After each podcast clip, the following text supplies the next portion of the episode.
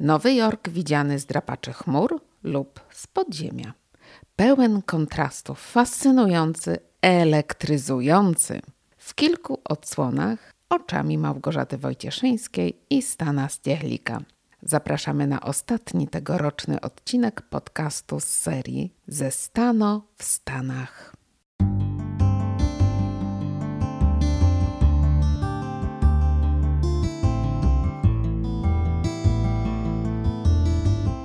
To jest podcast Klubu Polskiego.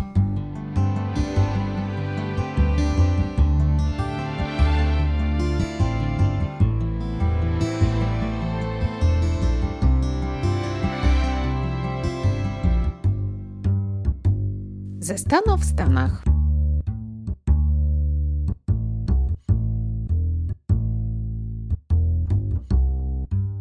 Szczyty i podziemia Nowego Jorku.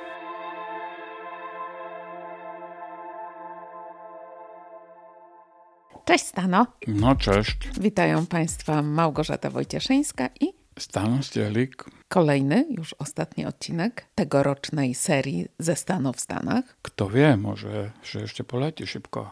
Spodobała Ci się ta seria? Niezła seria. Tym razem, no nie wiem jak nam to pójdzie, bo dotarliśmy do Nowego Jorku i o Nowym Jorku można mówić bardzo dużo. Poprzedni nasz odcinek zakończyliśmy właśnie na trasie z lotniska na Manhattan. Dotarliśmy właśnie pociągiem. No i teraz powinniśmy zacząć naszą opowieść. A może inaczej, może Ciebie zapytam, ponieważ Ty byłeś w Nowym Jorku jeszcze przede mną w 1990 roku, to powiedz, jakie wrażenie zrobił wtedy na Tobie Nowy Jork? 1890.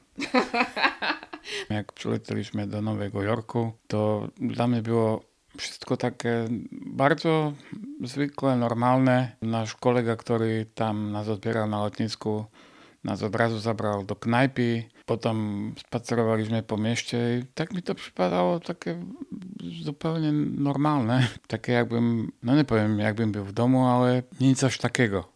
Dopiero drugiego dnia, trzeciego, jak to się rozkręcało, wtedy poczułem, że jestem w jakimś dużym świecie. W raju. No nie w raju, bo Nowy Jork jest bardzo fajnym miejscem na świecie. Jest tam dużo, dużo do oglądania, ale już po 3-4 godzinach można się bardzo zmęczyć. No tak, raj chyba tak nie wygląda. To jest właściwie taki bardziej pępek świata. Ja pamiętam moje pierwsze wrażenia jak przylecieliśmy kiedyś w 1998 chyba roku. I oczywiście pierwsze wrażenie to takie, że wysiadasz z metra albo z autobusu, czyli w podziemiach i wychodzisz, wyjeżdżasz tymi schodami na górę, wychodzisz na zewnątrz i jest tak niesamowity ruch samochodów, tak niesamowicie dużo dźwięków, odgłosów, klaksonów y, i bardzo duży y, szum uliczny właśnie. Plus do tego bardzo wysokie budynki i to wrażenie, że jakby to słońce nie dochodziło wcale, ponieważ te budynki rzucają tak długi cień, że nie potrzebujesz okularów słonecznych. No i do tego miliony ludzi spacerujących po ulicy, a co człowiek to inny typ i co drugi z nich to jakby spacerował po ulicach Bratisławy, to by się po nim ktoś oglądał, że to to za typa. No i tam po prostu to jest zwykły człowiek, bo każdy jest jakiś tam.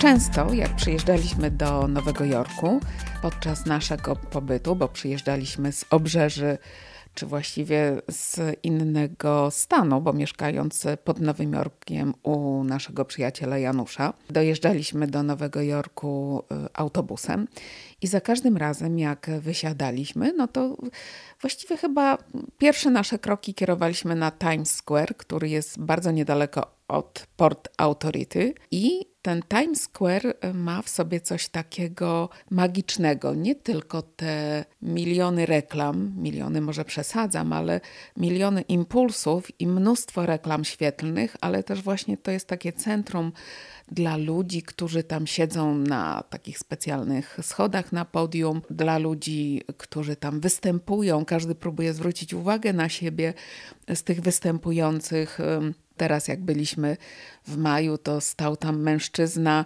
w butach kowbojskich i w majtkach tylko. Naked Cowboy. No właśnie, i te majtki ma w kolorze flagi amerykańskiej i chyba grał na gitarze. Jest bardzo znany, bo często go widać na zdjęciach z Nowego Jorku. Czyli on wie, co robi. Poza tym było tam mnóstwo innych takich osób, które zwracają na siebie uwagę. Na przykład facet, który tańczył jak Jackson, potem facet e, taki prawie goły też jakieś sztuki walki pokazywał. Potem raz trafiliśmy na wspaniały koncert jazzowy i to wszystko takie free i zawsze możesz się wkręcić w coś takiego i do tego mnóstwo myszek Miki i transformerów. I to jest taka pułapka, bo chodzą te myszki Miki albo jakieś inne postacie bajkowe i każdy jest taki przesympatyczny i podchodzi do ciebie, macha. No ale wiadomo o co chodzi. O co chodzi? O kasę. Jak chcesz zrobić z nimi zdjęcie, no to potem wychodzi na jaw, że trzeba coś zapłacić. Także nie daliśmy się wkręcić w myszkę Miki.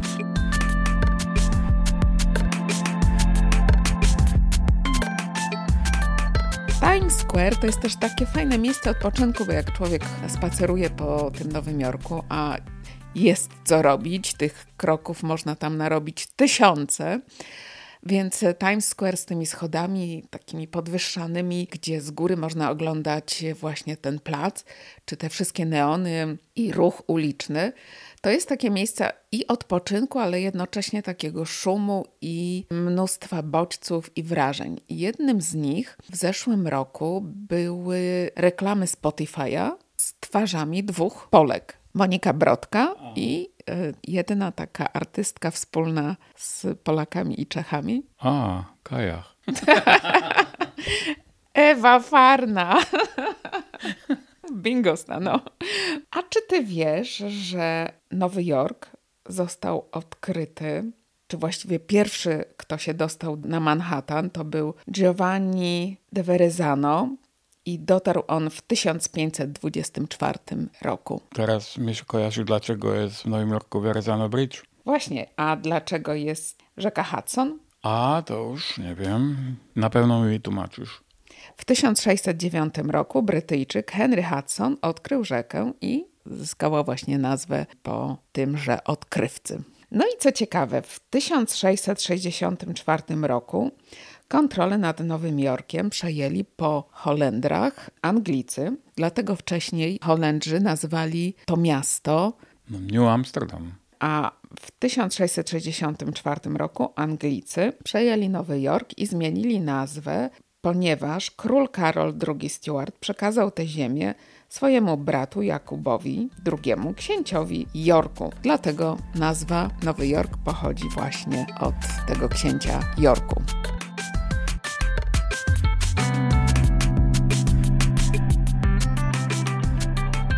W 1785 roku do 1790 roku Nowy Jork był stolicą Stanów Zjednoczonych. Jak już tak sobie mówimy o różnych liczbach, to sobie wynotowałam, jak wzrastała liczba mieszkańców w Nowym Jorku. Więc y, w 1700 roku mieszkańców było 4000. W 1820 roku 125 tysięcy. Pierwszy milion odnotowano w 1875 roku. Dziś ile jest mieszkańców? 15? 8,8. No, ale jak się zabierze to z okolicami, to jest nieskończoność chyba. No tak, oczywiście. No i teraz y, może opowiedzmy sobie o takich y, symbolach Nowego Jorku. Co dla ciebie jest symbolem Nowego Jorku? No oczywiście statua wolności. Byłeś? Byłem razem z tobą. w którym roku? To dawno było. No 1800. Ej, Stano. Kiedyś to były te twins, czyli bliźniaki. Dobrze, ale czekaj, to jeszcze zatrzymajmy się przy tej statule wolności, bo obok niej pływamy za każdym razem, kiedy docieramy do Nowego Jorku, ponieważ z Manhattanu sobie robimy wycieczkę, jak nam już dawno temu podpowiedział pewien znajomy, że można kursować bezpłatnym promem obok właśnie statuły wolności i ją podziwiać z pozycji wody. I sporo ludzi tak robi, bo jest taki prom kursujący na Staten Island, tym promem można płynąć na ten Staten Island i podziwiać Statuę Wolności.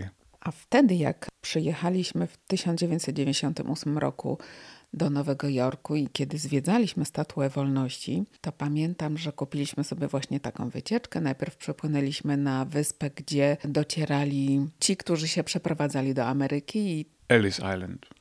Tam właśnie przybijały wszystkie statki, i na tej wyspie robiono zapisy tych ludzi, którzy docierali do Ameryki.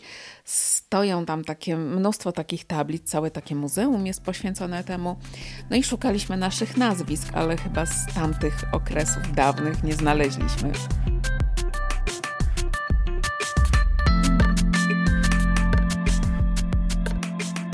Potem tym statkiem popłynęliśmy na Statuę Wolności i chyba nigdy nie staliśmy w tak długiej kolejce jak wtedy, żeby dotrzeć i wjechać na statuę. Pamiętasz? No tak, ale wjechać tam jeszcze po schodkach schodziło. Chyba tak. No i mnie utkwiła w pamięci ta y, niesamowita kolejka w prażącym październikowym słońcu. No i robiło to wrażenie, bo jednak te tłumy były niesamowite. No widok stamtąd oczywiście z tej statuły też był taki imponujący, no bo samo to oglądanie Nowego Jorku z różnych miejsc, czy Manhattanu konkretnie, z różnych miejsc, z pozycji wody, z pozycji właśnie Statuły Wolności, czy z pozycji wieżowców, tych drapaczy chmur, za każdym razem jest to jakby inna odsłona tego miejsca. Też można podziwiać Nowy Jork na przykład z New Jersey. Zawsze to jest widowisko. Jak mowa o Brooklynie, no to powinniśmy powiedzieć o moście bruklińskim, bo to też taki symbol Nowego Jorku. Tym razem, jak dotarliśmy w maju tego roku, czyli 2023 roku, jak dotarliśmy na Manhattan, to wybraliśmy się właśnie na most brukliński, ponieważ wydawało mi się, że ja nigdy na nim nie byłam, a on jest rzeczywiście przepiękny. Widzieliśmy go z różnych miejsc, no ale robi niesamowite wrażenie właśnie móc przejść się po tym moście. Dla mnie zrobiło wrażenie, ile tam jest turystów, bo jak tam byłem 30 lat temu, to pamiętam, że spacerowałem po nim sam, może jeszcze ktoś tam, ale na pewno to nie była jakaś atrakcja, a tym razem tłumy. Wiesz, że to jest jeden z najstarszych wiszących mostów na świecie i ma długość 1834 metry, szerokość jego 26 metrów, a wysokość 84 metry. Niesamowite, gigantyczne przedsięwzięcie. Budowę tego mostu rozpoczęto w 1870 roku a zakończono w 1883 roku. I co ciekawe i smutne, aż 27 osób zginęło przy budowie tego mostu. Ten e, most jest bardzo fajny, bo zwyczajnie te mosty, jak są, to trzeba decydować, czy człowiek idzie po prawej albo po lewej stronie, że są tam te deptaki. No a tutaj jest deptak na górze, czyli człowiek idzie i ma cały czas panoramę i Brooklynu i Manhattanu. Inna sprawa, że tam jest bardzo dużo straganiarzy. Troszeczkę to przypomina most Karola w Pradze. No ja bym tego nie porównała do tego mostu Karola w Pradze. Jeżeli chodzi o straganiarzy, że jest bardzo taki komercyjny już. No. Aha, tak myślisz.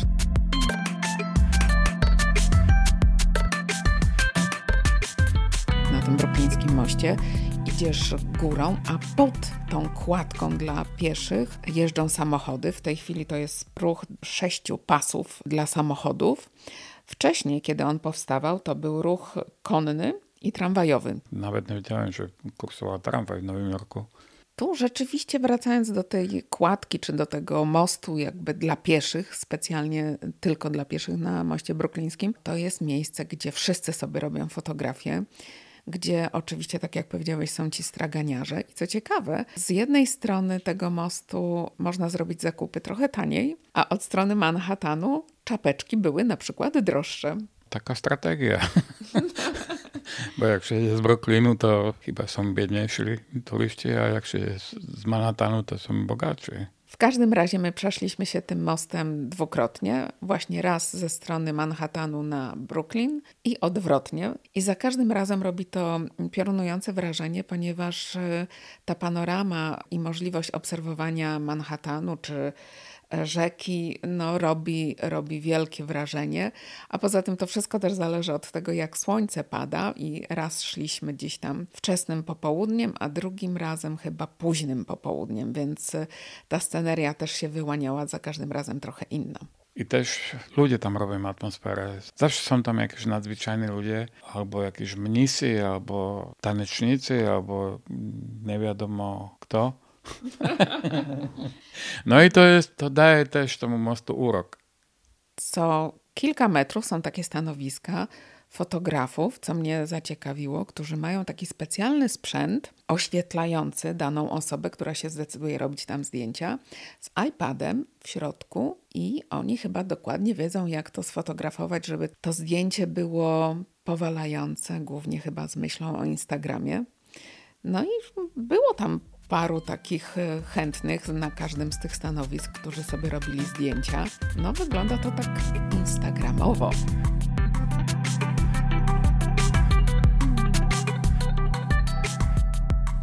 Kolejny symbol jakiś e, Nowego Jorku, który ci się kojarzy? Wieża Eiffla. O nie, stano. Oczywiście Empire State Building albo Chrysler Building. Kiedyś to był Panem Building, ale to już teraz nie wiem, co jest. No, a my byliśmy na kilku z nich i trzeba powiedzieć, że w tym 1998 roku udało nam się być na World Trade Center. To robiło naprawdę bardzo duże wrażenie, ponieważ to był najwyższy budynek świata przez jakiś czas. Dwa budynki. Dwa budynki, ale jeden był dostępny dla turystów. No tak. Mam tutaj zapisane różne dane, ponieważ e, World Trade Center należał, czy należały do takich najfajniejszych, najciekawszych, najoryginalniejszych budynków świata. Ich budowa rozpoczęła się w 1966 roku, a zakończono w 1973 roku. W tych budynkach pracowało 25 tysięcy osób i budynki miały 110 pięter. I pamiętasz to niesamowite wrażenie, kiedy się wsiadało do windy i ta winda jechała kosmiczną prędkością? Co sekundę jedno piętro i jeszcze tam były jakieś efekty takie świetne, żeby człowiek miał jeszcze takie mocniejsze wrażenie. Jak się wjeżdżało do góry, to było piorunujące wrażenie. Wtedy byliśmy tak po raz pierwszy na, na takim wieżowcu w takiej wysokości. No i tak tam sobie siedzieliśmy, chodziliśmy wokół a potem już chcieliśmy schodzić, a ja patrzę, że są schody ruchome do góry jeszcze. No to poszliśmy do góry, a byliśmy na, samym, na samej górze tego wieżowca. Na szczycie świata. Top of the world. Ale ciekawe było to, że był on cały taki ograniczony właśnie takimi siatkami, bo gdyby ktoś chciał wyskoczyć, no to nie skoczyłby zbyt y, daleko, bo te siatki by złapały, także to prawdopodobnie ze względu na ewentualnych samobójców. Tam był taki podest, pamiętam, tak, że na dachu był jeszcze taki podest tak wokół tego dachu, że nie dało się patrzeć całkiem na dół. Takie coś można było zaliczyć e, piętro niżej. Tam były takie przeszklane ściany i jeszcze tam było takie miejsce na nóżki, że można było tak siadać koło okna i jeszcze tak nóżki jeden schodek niżej dać. O tych nóżkach to ja nie pamiętam. Ja pamiętam o nóżkach, bo to było bardzo wygodne, wiesz. No bo jak siedzisz koło okna i musisz dać no, nogi w bok, to jest takie niekomfortowe, a tutaj było można siąść na jednym schodzie i patrzeć na dół. Patrz, jak każdy zapamiętuje coś innego. Nic o nóżkach i schodach nie zapamiętałam. Ale zapamiętałam te długie cienie, które rzucały te World Trade Center, bo byliśmy już przy zachodzącym słońcu w październiku, więc no to było takie ciekawe bardzo. Też pamiętam mnóstwo helikopterów, które tam latali, wszystkie pod nami jakby. A no właśnie, bo wszystko co się działo, to było pod nami. Mieliśmy świat u naszych stóp.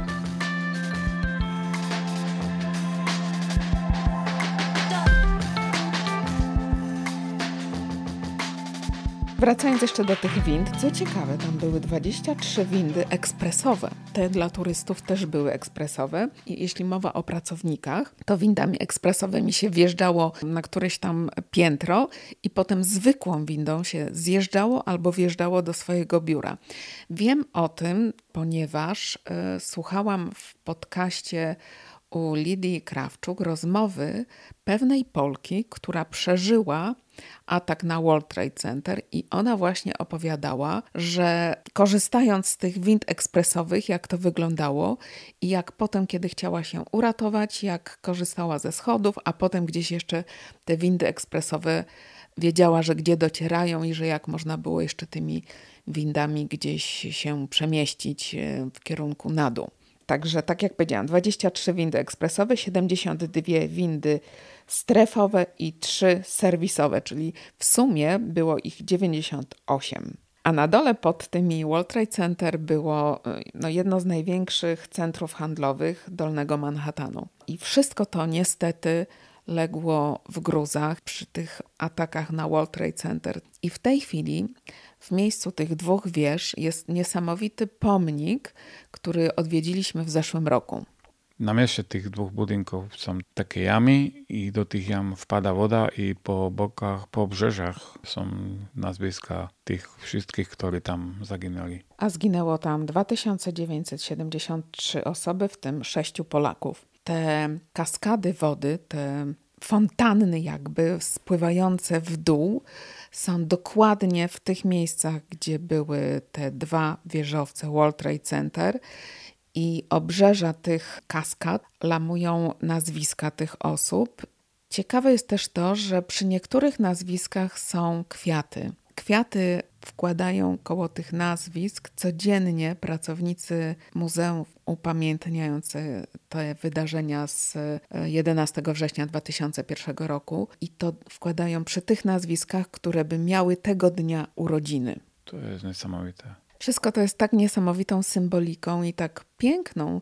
I dla mnie te kaskady spadających w głąb ziemi wody były aż wzruszające, bo to był taki symbol tych wieżowców, które runęły.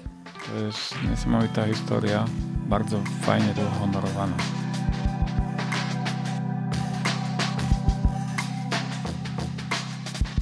W 2014 roku powstał nowy World Trade Center, który ma 541 metrów i jest najwyższym budynkiem w Stanach Zjednoczonych. Obiecaliśmy sobie, że będąc następnym razem, to sobie obiecaliśmy w zeszłym roku, odwiedzimy go. Obietnicy jeszcze nie spełniliśmy. Dlaczego? No bo znalazłaś coś fajniejszego, ale nie wiadomo czy fajniejszego, ale coś bardzo ciekawego. One Vanderbilt? E, Summit One Vanderbilt który powstał w 2021 roku. No i to jest kosmos. Absolutnie kosmos. Człowiek przychodząc dostaje okularki ciemne i jak wychodzi w to miejsce na górze, to jest to jest mega kosmos. Lustra wszędzie, wszędzie dużo ludzi, lustra na podłodze, na suficie, nawet chyba ludzie mają lustra na sobie. No te okulary słoneczne są takie lustrzane, to prawda. Okulary słoneczne, ponieważ e, jak w dzień się odwiedza ten drapacz chmur, no to świeci tam e, światło, oczywiście słońce. Dociera się na 95 pierwsze piętro i do dyspozycji turystów jest 91 do 93 piętra. Powierzchnia to 6683 m2, a sala R ma 12 metrów wysokości tak jak powiedziałeś, są tam lustra, są tam przeszklone ściany, jeszcze dostajesz takie kapciuszki. Jak muzeum, takie fajne. Dlatego, żeby nie porysować tych szklanych czy lustrzanych podłóg, zaleca się, żeby dziewczyny raczej nie chodziły w sukienkach, ponieważ y, istnieje zagrożenie, że te lustra pokażą, co jest pod daną sukienką. W pewnym momencie, jak człowiek tam wchodzi, to nie wie już na co ma zwracać uwagę, ponieważ y, z jednej strony widzisz przepiękne widoki na Manhattan, z drugiej strony widzisz tłumy ludzi, ale te tłumy się potęgują przez to, że one się odbijają w lustrze. Zadzierasz głowę do góry, widzisz znowu te tłumy i ten Manhattan odbijający się w lustrach. Przeszklone ściany powodują, że czujesz się jakby na zewnątrz, ale też jakby wewnątrz. No i do tego jeszcze muzyka. No, ta muzyka deprymująca. Byłem bardzo zmęczony z tej muzyki, to tam grała cały czas. Muzyka jest taka rzeczywiście trochę dołująca, ale jak docierasz na to 93 piętro, gdzie jest już e, odkryty taras, i możesz e, posiedzieć w kawiarni. Muzyka się zmienia na bardzo przyjemną, relaksującą. No i można sobie pooglądać w spokoju już wtedy panoramę miasta. Oczywiście te ściany są przeszklone, czyli nie jesteś tak jakby, nie możesz wyciągnąć ręki nad Manhattanem, ale u góry nie ma sufitu, więc ten przepływ powietrza jest taki przyjemny i przyjemny wiaterek, ale możesz stanąć nad Manhattanem, jeszcze będąc e, to piętro niżej, ponieważ to jest taki balkon przeszklony i możesz stanąć, e, żeby sobie popatrzeć na ruch uliczny pod twoimi stopami. No i jest ochroniarz, który pilnuje, bo jeżeli wchodzą trzy osoby, no to tam się jakoś e, mnoży ten czas, który możesz poświęcić. Jak wchodzi jedna, no to masz tam wydzielony czas, nie wiem, 20 czy ileś sekund. No i jeszcze w tym budynku była jedna taka sala, kolejna atrakcja z takimi piłkami czy balonami, które są powleczone taką powłoką odbijającą, taką jakby lustrzaną. I te piłki cały czas krążą wokół człowieka, są pod takim podmuchem wiatru i jest ich mnóstwo. No i robi to takie wrażenie, to są tam, wychodzą tak instagramowe, piękne zdjęcia i to jest taka zabawa, bo te piłki spadają na ciebie, możesz odbijać, możesz je kopnąć, możesz się nimi otoczyć, no. No to chyba takie instagramowe pomieszczenie.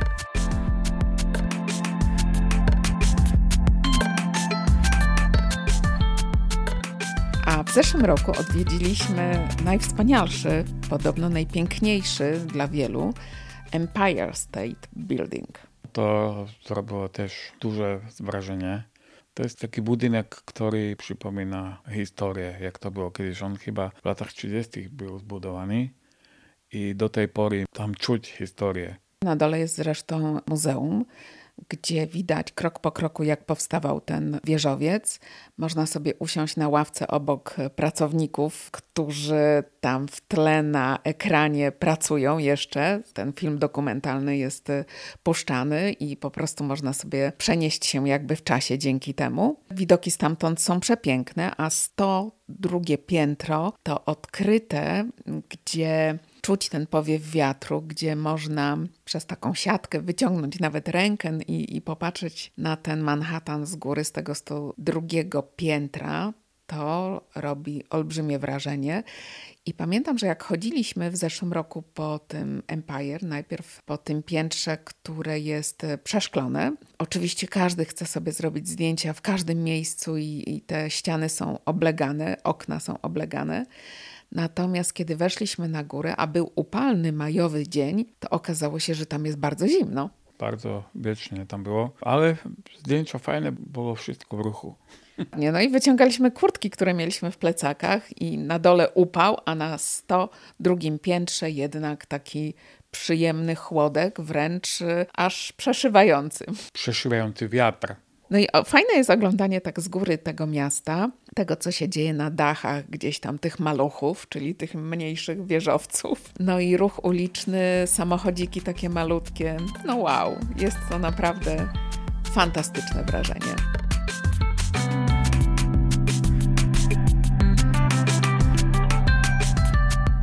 Kolejny symbol jakiś Nowego Jorku?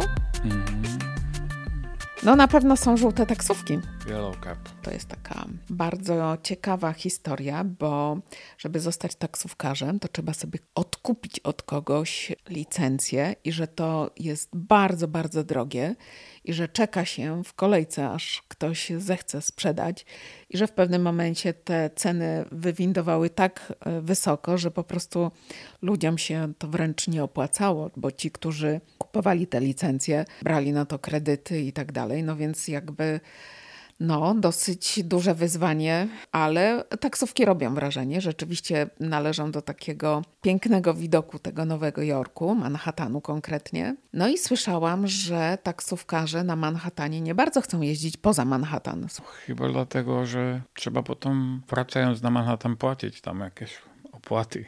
Tak, bo wjazd na Manhattan jest płatny. Przejeżdżając przez każdy z mostów, trzeba wnieść opłaty. Pamiętasz, jakie to były opłaty? 16 dolarów. Albo może nawet 18. W tej chwili tego się nie robi fizycznie, tylko najczęściej te samochody mają takie specjalne. Takie skrzyneczki. Zamontowane w samochodzie i te opłaty są pobierane automatycznie. Ale od strony Brooklynu chyba nie ma opłat, tylko od strony New Jersey. Na pewno jest to kosztowne. Dlatego wracając do tych taksówkarzy, podobno często oni robią tak, że zatrzymując się pytają, dokąd chce dany turysta jechać. Jak mówią jakiś adres poza Manhattanem, to nagle okazuje się, że oni nie mogą, bo muszą zawieźć kogo, komuś jakiś bagaż, pokazują nawet w bagażniku specjalnie niektórzy wożą jakieś walizki, żeby się tylko wykręcić. I podobno sposobem na to jest to, że człowiek wsiada do taksówki i dopiero wtedy mówi, gdzie chce jechać, a taksówkarz nie ma prawa wygnać klienta już z taksówki.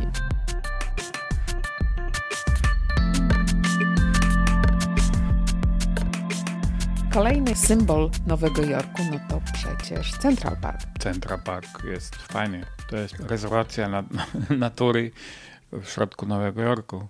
Prace nad Central Parkiem, zagospodarowaniem tego olbrzymiego obszaru na Manhattanie trwały w latach 1857-1873. I co ciekawe, kosztowało to dwa razy tyle, co zakup Alaski od Rosjan. Central Park robi niesamowite wrażenie. Można tam się poruszać oczywiście pieszo, rowerem albo bryczkami, czyli konno. Można tam spędzać całe dnie. Oczywiście są tam też stragany, są tam fontanny, kawiarnie, restauracje. No jest tam wszystko. I co ciekawe, rocznie Central Park odwiedza 38 milionów osób. Widać, że tam sporo ludzi. No i też trzeba powiedzieć, że tam są różne muzea w okolicach. A no właśnie, tam jest też to na przykład e, Muzeum Sztuki. Muzeum Sztuki i chwilę później, czy właściwie w tym czasie był kręcony film, w którym grał Pierce Brosnan. Pierce Brosnan. Taki film, gdzie dochodzi do kradzieży wspaniałego dzieła. Pamiętasz to? My jak tam byliśmy? W 98. To zrobiliśmy sobie zdjęcie. W tym czasie tam była jakaś wystawa i były te billboardy od tej wystawy. I potem oglądamy ten film parę lat później i te same plakaty, te same billboardy. Tak, i to taki dreszczyk emocji. A w zeszłym roku, jak byliśmy przed tym muzeum, to okazało się, że to jest dzień jakiś właśnie dla influencerek, które przyszły tam i fotografowały się w różnych, przeróżnych strojach, kreacjach. Jakaś taka kolejka tam była, bo otworzono to muzeum chyba właśnie dla tych influencerek. Kolejka influencerek. Licząc na to, że one będą sobie robić bardzo fikuśne zdjęcia, swoje, ale na tle tego muzeum, umieszczając te hasztagi tego muzeum, jeszcze bardziej uwidocznią pracę i zainteresują ludzi sztuką po prostu. Fajne zjawisko bo widać kilometrową kolejkę influencerek, to jest fajne. Lubisz oglądać kilometrowe kolejki influencerek? Nie wiedziałem, ale lubię.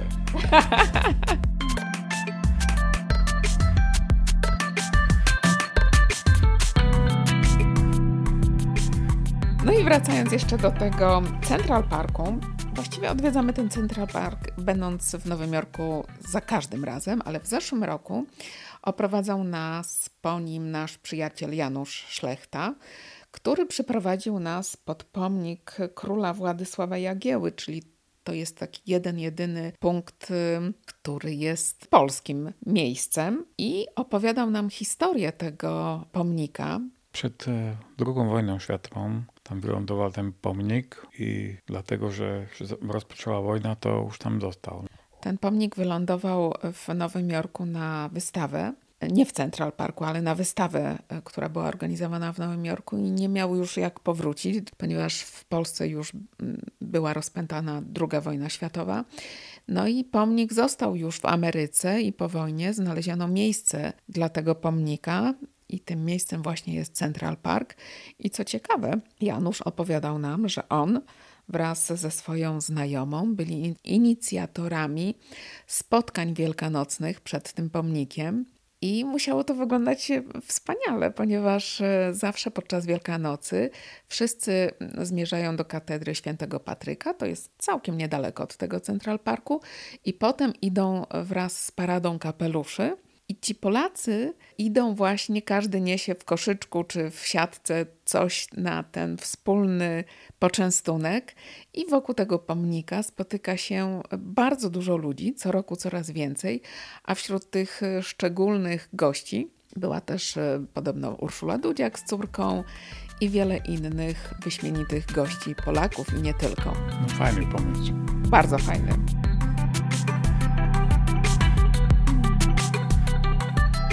Jaki jeszcze byśmy wymienili symbol Nowego Jorku? Dla mnie to jest też metro. Metro jest w Nowym Jorku bardzo specyficzne. Dosyć ciemne i przytłaczające. Bo ono jest, to są takie stare wagony i to metro jest też takie stare, takie brudne właściwie. W tych korytarzach metra można spotkać przedziwnych ludzi. W samym metro też można spotkać taki ten podziemny świat jest zupełnie fascynujący, bo tam widzisz różne osobowości, różne nacje, różne charaktery i różnych czasami też trzeba powiedzieć dziwolągów. Nowojorski underground. No dokładnie. No i żeby rozkminić te linie metra, no to też trzeba trochę pogłówkować. Ciekawe było też to, jak teraz kupowaliśmy bilety. Rozkminialiśmy to w tej maszynie, jak kupić bilety i płaciłeś kartą. I w pewnym momencie takie zaskoczenie, bo tam cię proszą o zip code. I ty mówisz zip code, czyli kod pocztowy. Nie wiedziałem po co im mój zip code. Dałem tam nasz zip code tutaj do wsi i zadziałało. No ale to takie ciekawe, może oni prowadzą jakieś statystyki, że kto jeździ metrem, skąd, nie wiem. Ale było to takie zaskakujące, bo zazwyczaj jeśli już jakiś PIN, jakiś kod, no to PIN do karty, tak? I chyba nawet pierwszym razem wpisywałeś PIN do karty i okazało się, że to nie to. Zawsze to była taka matura troszkę, żeby kupić bilecik. Matura, czyli łamigłówka. Bardzo łamigłówka. Ostatni raz już jak kupowałem te bilety, to zauważyłem, to można było tylko na tym jednym przystanku, albo może to wszędzie tak było, ale zauważyłem, że jak się wchodzi, to po prostu można przyłożyć kartę kredytową i to wszystko. Czyli może niepotrzebnie kupowaliśmy te bilety. to będziemy mądrzejsi na przyszły raz.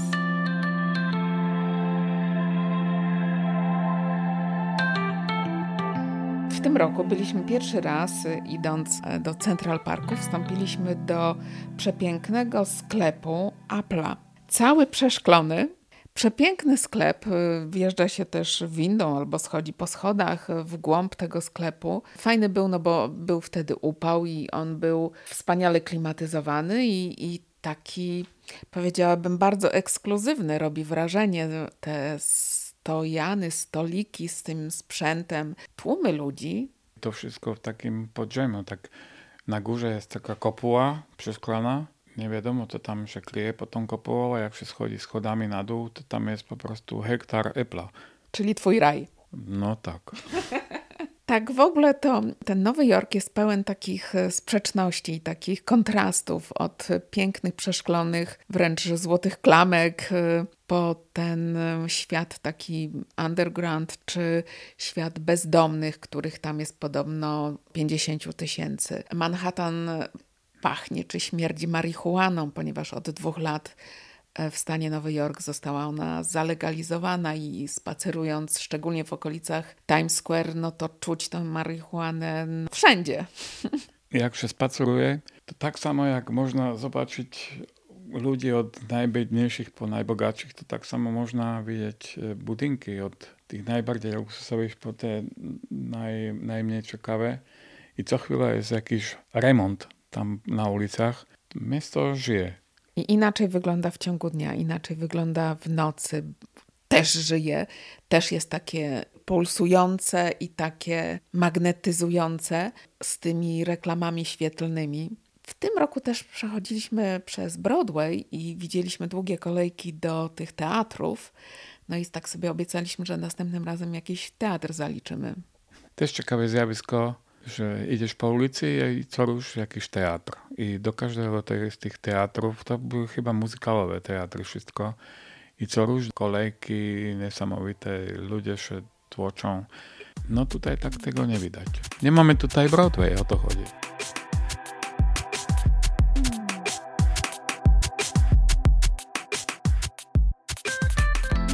Co do kontrastów, to jeszcze tak jak powiedziałeś, że brzydkie budynki, ale też zwracaliśmy uwagę jadąc autobusem na Manhattan, że na przykład obok tych brzydkich budynków ciągną się takie linie, kable różne elektryczne, elektryfikacji, kable takie zwisające tuż nad głowami i właściwie jak taki trochę trzeci świat. No, ale to było tam po drugiej stronie w New Jersey, to jeszcze nie był Nowy Jork.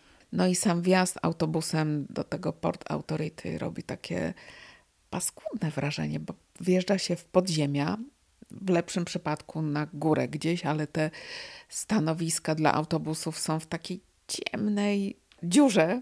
Śmierdzącej. I wysiadasz.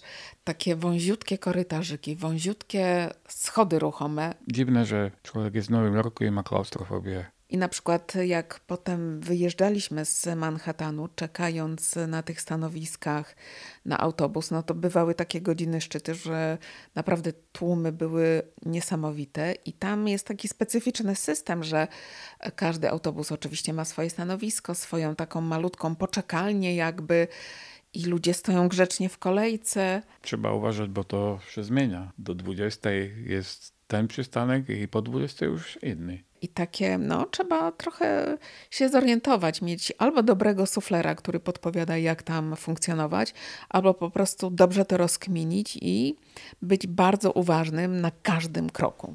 No, ale zawsze można jakoś wybrnąć. Cały czas są jakieś służby, które podpowiadają. No, na tym Port Authority jest budka i inform może i więcej, ale my widzieliśmy jedną budkę jak się wchodzi do metra, to zawsze są policjanci, którzy tam stoją, a zawsze ich można zapytać, że jak się dostać tam czy inam.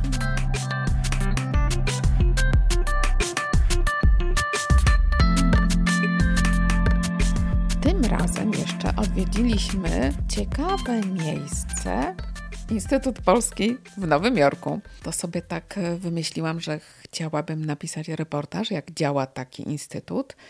No i działa on w ten sposób, że ma do dyspozycji w jednym z wieżowców tylko kilka pomieszczeń, no i trzeba się tam umówić wcześniej.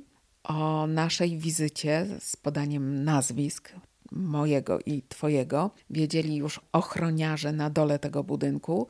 Tam trzeba było się wylegitymować i dostaliśmy karty do wejścia do tego budynku. Potem poszliśmy do windy. Ten instytut jest chyba na jakimś 38 piętrze a ta winda, do której weszliśmy, była dopiero od 40 piętra. No i trzeba było zjechać w dół i przesiąść się na właściwą windę. No i ten instytut działa w dosłownie kilku pomieszczeniach. Rozmawialiśmy z panią dyrektor, pełniącą tam obowiązki dyrektora, panią Steczkowską. No i wszystko to tak jakby w każdym innym instytucie, ponieważ umeblowania, plakaty jakby materiały reklamowe, wszystko jest w tej samej tonacji, logo, wiadomo, ale jednak widoki stamtąd są trochę inne, ponieważ to jest niedaleko Empire.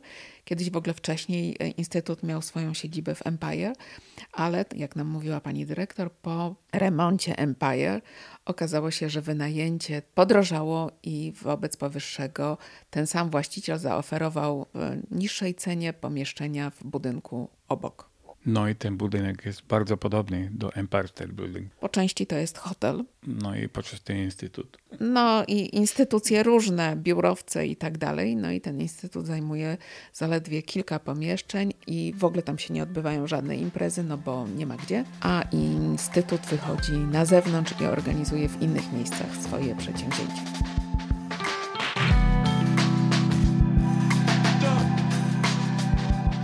Tym razem nam się udało też zwiedzić jedno fajne miejsce na Brooklynie, po drugiej stronie bruklińskiego mostu, w sumie pod nim. Stamtąd bardzo fajne widoki byli też.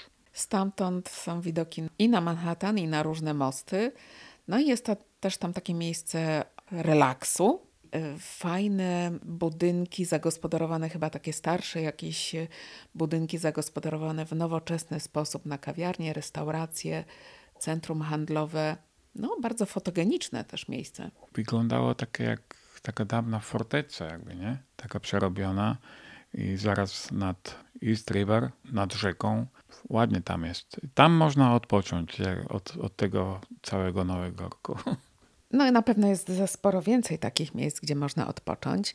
My odpoczywaliśmy też e, w, na przykład u znajomych Janusza. Odwiedzaliśmy jego pewną znajomą, która mieszka niedaleko tego lotniska w centrum Nowego Jorku. LaGuardia. W takim domku. No, ciekawe jest zobaczyć takie miejsca. Byliśmy też na Greenponcie i na przykład przeżyliśmy na własnej skórze, co to znaczy dawać napiwki w restauracjach, o których teraz coraz częściej i coraz głośniej, że po pandemii Ameryka stara się napiwkami nadrobić różne straty i te napiwki są już jakby obowiązkowe. Jak to wygląda? Bo jak byliśmy w restauracji na Greenpointie, zresztą polskiej restauracji, takiej karczmie, gdzie jedliśmy, no w trójkę jedliśmy takie, powiedziałabym, skromne jedzenie, w sensie takim, że nie byliśmy aż tak bardzo głodni, więc ty jadłeś tylko flaczki, ja chyba jakieś gołąbki, Janusz też coś tam mhm. i po piwku i doszło do płacenia. Cena była jedną sprawą, a potem był jeszcze obowiązkowy napiwek. Mm, poszedłem, żeby to zapłacić i pan keller mnie zostawił z tym urządzeniem. Chciałem zapłacić kartą i to urządzenie pierwsze, co mnie zapytało, ile, ile chcę dać napiwek. I dopiero potem następne operacje. Można było robić. No, więc to jest takie takie wymuszanie i podobno w coraz więcej miejscach to wymuszanie tego napiwku jest, pojawia się już nie tylko w restauracjach, już nie tylko w usługach, ale podobno nawet w sklepach. Czy kupując zwykłego precelka, czy cokolwiek tam, jakiegoś bułę w kebaba, czy gdzieś tam, no to po prostu wszędzie jest wymagany ten napiwek i podpowiada to urządzenie, że powiedzmy, nie wiem, 30%, 40%, 50% albo jeszcze więcej.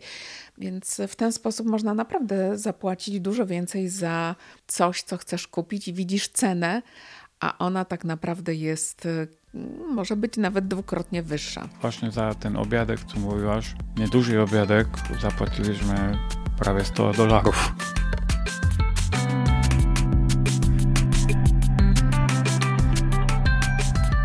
Tytułem zakończenia naszej podróży w Ameryce, która miała miejsce na przełomie kwietnia i maja 2023 roku, gdzie, tak jak mówiliśmy w pierwszym odcinku tej serii podcastów ze Stanów w Stanach, wylądowaliśmy w Miami, tam pożyczyliśmy samochód, przejeżdżaliśmy przez Florydę i zygzakiem i wzdłuż wschodniego wybrzeża przez Waszyngton, Pensylwanię do Nowego Jorku. Przemierzyliśmy ponad 3,5 tysiąca kilometrów i nasza przygoda właśnie kończyła się w Nowym Jorku po dwóch i pół tygodnia.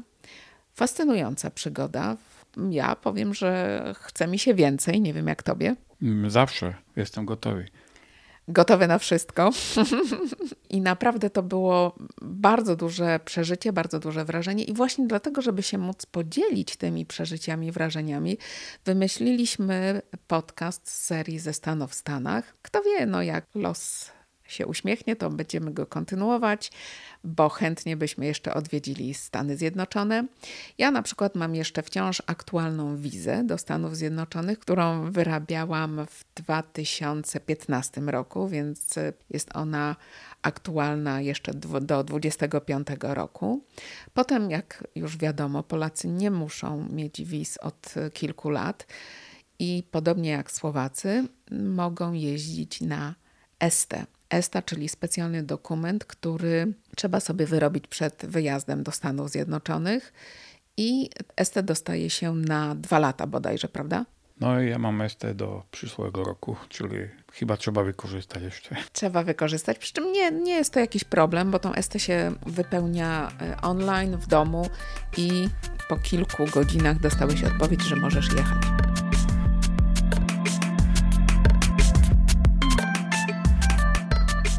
Wracaliśmy z lotniska JFK.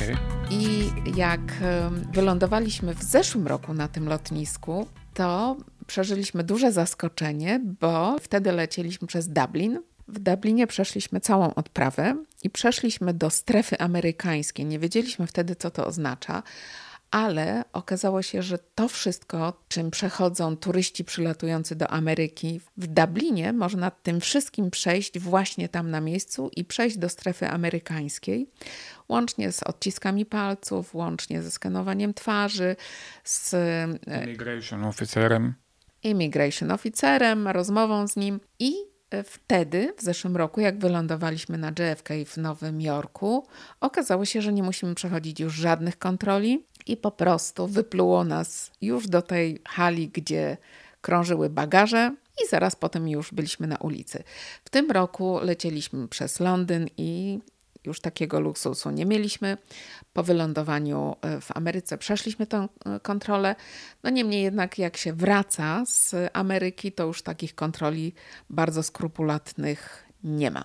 Ale też, jak leciliśmy z powrotem przez Dublin, to nie było w ogóle żadnych kontrol. Tak, w zeszłym roku nie przechodziliśmy żadnej kontroli i to też było takie zaskoczenie, że w Dublinie już byliśmy jakby z kolei z tej strefy amerykańskiej przeszliśmy do strefy europejskiej automatycznie. No i to było miłe.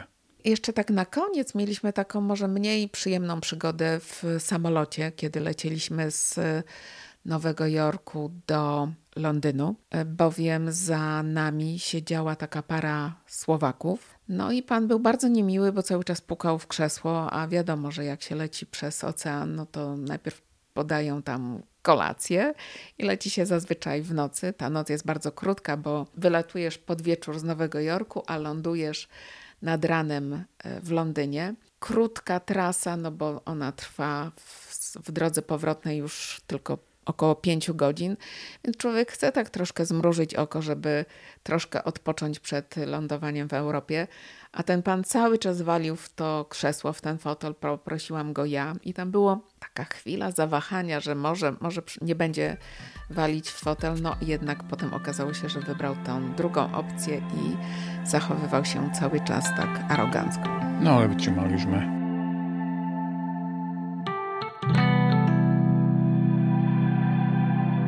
No i to chyba tyle. Potem jak wylądowaliśmy z, z Londynu w Budapeszcie z powrotem i czekał tam na nas samochód, przyjechaliśmy do domu, to właściwie tak jak często bywa, takie wrażenie, że to naprawdę byliśmy gdzieś tak daleko? To jest właśnie najfajniejsze po, po tych podróżach, że jak człowiek przychodzi do domu, to wtedy to zaczyna trawić. Efekt y, tego trawienia właśnie Państwo usłyszeliście w postaci kilku odcinków serii ze Stanów w Stanach. Bardzo dziękujemy za uwagę. Stanos Dzieluk i Małgorzata Wojcieszyńska. A nasz kolejny taki podróżniczy podcast, jeszcze jako taki letni bonus, to będzie podcast dotyczący podróży biznes klasą w samolotach. I ten podcast to będzie moja rozmowa z Magdą i Tomkiem Olszewskimi. No to zapraszam Państwa za tydzień.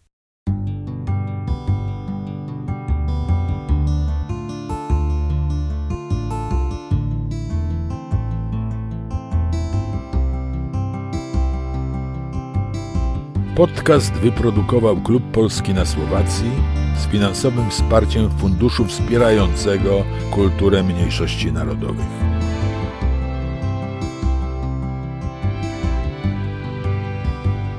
Podkład muzyczny i dźwięk Stanos Techlik.